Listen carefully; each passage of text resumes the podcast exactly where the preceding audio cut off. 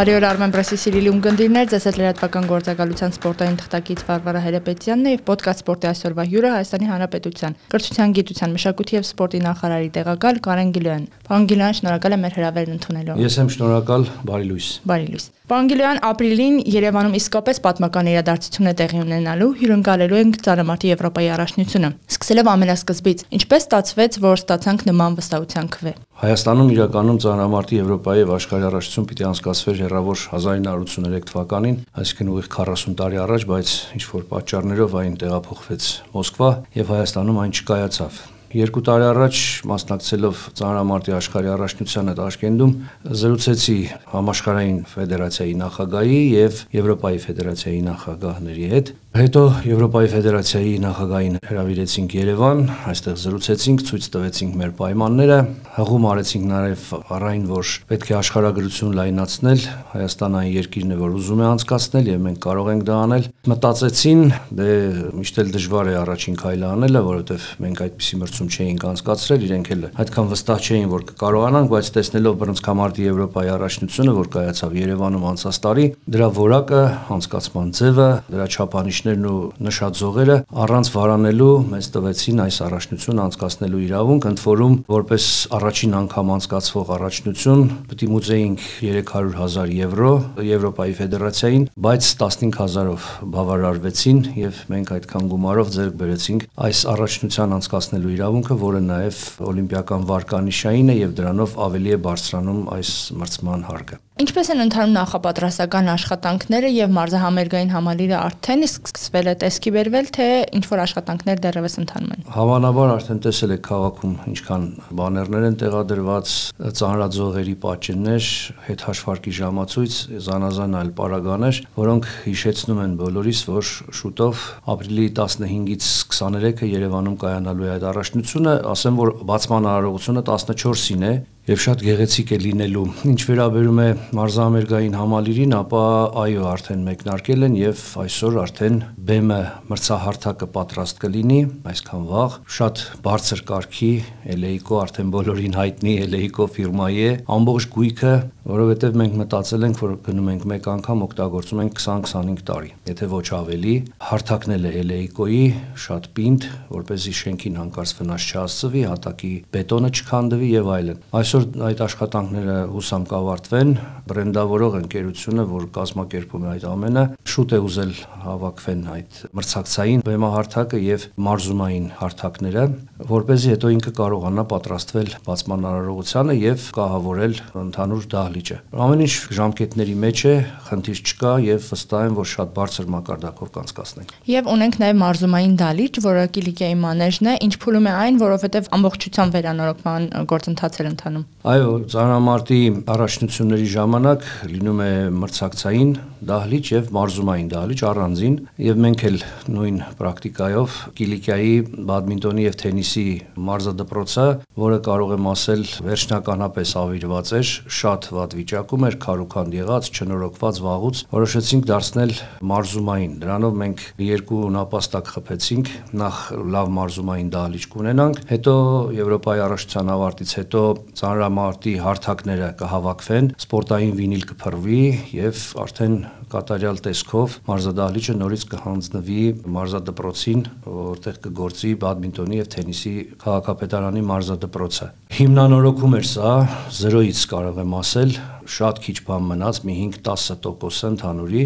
Ամեն օր գրեթե այցելում եմ, նայում եմ, հետևում եմ, նորմալ ընթանում են աշխատանքները։ Հուսամ, որ ինչպես եւ ծրագրված է, մարտի 31-ին այն կհանձնվի արդեն մեզ եւ մենք կկարողանանք կահավորել որպես մարզումային մարզադահլիճ։ Պարոն Գիլյան, ինչպիսի պատվիրակություններ ենք սպասում, ինչպիսի մեծության, ինչպիսի ծանրաբեռնվածություն է սպասում Երևանին այդ օրերին եւ արդյոք մեր ենթակառուցվածքները պատրաստ են արդեն։ Ենթակառուցվածքները պատրաստ են, հյուրանոցները պատրաստ են ընդունել, արդեն գազམ་ակերպիչ ընկերությունը պայմանավորվել է իր մասով հյուրանոցների հետ, ֆեդերացիան պայմանավորվել է իր մասով, որովհետեւ IT-օները, մրցավարները, պատվիրակությունների ղեկավարները, ֆեդերացիաների նախագահները մնալու են այլ հյուրանոցներում եւ դա պարտադիր պայման է մարզիկ ակումբներն ու մարզիչները այլ հյուրանոցներում։ Խնդիր չկա, պայմանավորվել են այս առումով որևէ բարդություն չեմ տեսնում։ Տրանսպորտային հարցերը կարգավորված են, որևէ երկիր վիզայի խնդիր չի ունենա։ Աշխատում ենք ԱԳՆ-ի հետ, Սփյուռքի հետ ենք աշխատում, туриզմի հետ ենք աշխատում։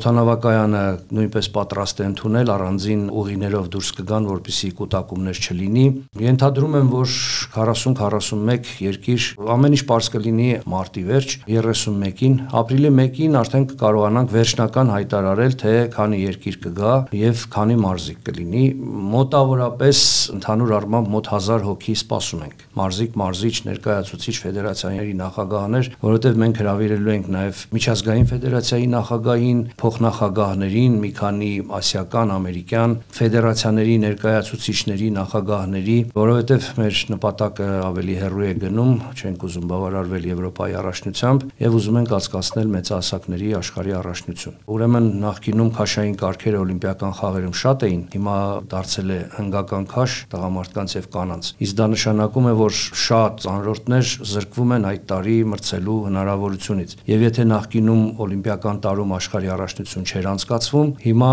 միջազգային ֆեդերացիան հակված է այն մտքին, որ կարելի է եւ 24 թվականին աշխարհի առաջնություն անցկացնել եւ մենք այդ իրավունքի համար պայքարում ենք։ Դեռ պայքարի փուլում ենք, դեռ ոչինչ པարզ չէ, բայց ես վստահ եմ, որ եթե մենք կարողանանք Եվրոպայի առաջնությունը լավ անցկացնել, մեզ կտան այդ իրավունքը։ Պարոն Գիլյան, նախորդ տարի երբ հյուրընկալում էինք բռնցքամարտի Եվրոպայի առաջնությունը, բացման արարողությունը այնքան տպավորիչ էր, որ բոլորի շփաթներ շարունակ խոսում էին այդ մասին։ Ինչ կասեք ցանամարտի Եվրոպայի առաջնության բացման մասին, ինչ հատուկ իրադարձություն պիտի լինի։ Անկերությունը դեռ խաղակարտերը չի բացում, ով կազմակերպելու է։ Մի քանի այսպես դետալներ գիտենք ու հենվելով այդ դետալներին ենթադրում ենք, որ պակաս հետաքրքիր չի լինելու, եթե ոչ ավելի վառ։ Իսկապես շատ այսպես տպավորիչ դետալներ կան, ես չեմ ուզում դրանք հիմա բարձրաձայնել, դա ընկերության գաղտնիքն է, ես իրավունք չունեմ ուրիշի գաղտնիքները բացահայտելու, բայց վստահ եմ, որ եւ դահլիճում հավաքվածները եւ հերոստատուսությամբ դիտողները կտպավորվեն բացման արարողությունից եւ այս մասին էլ շատերը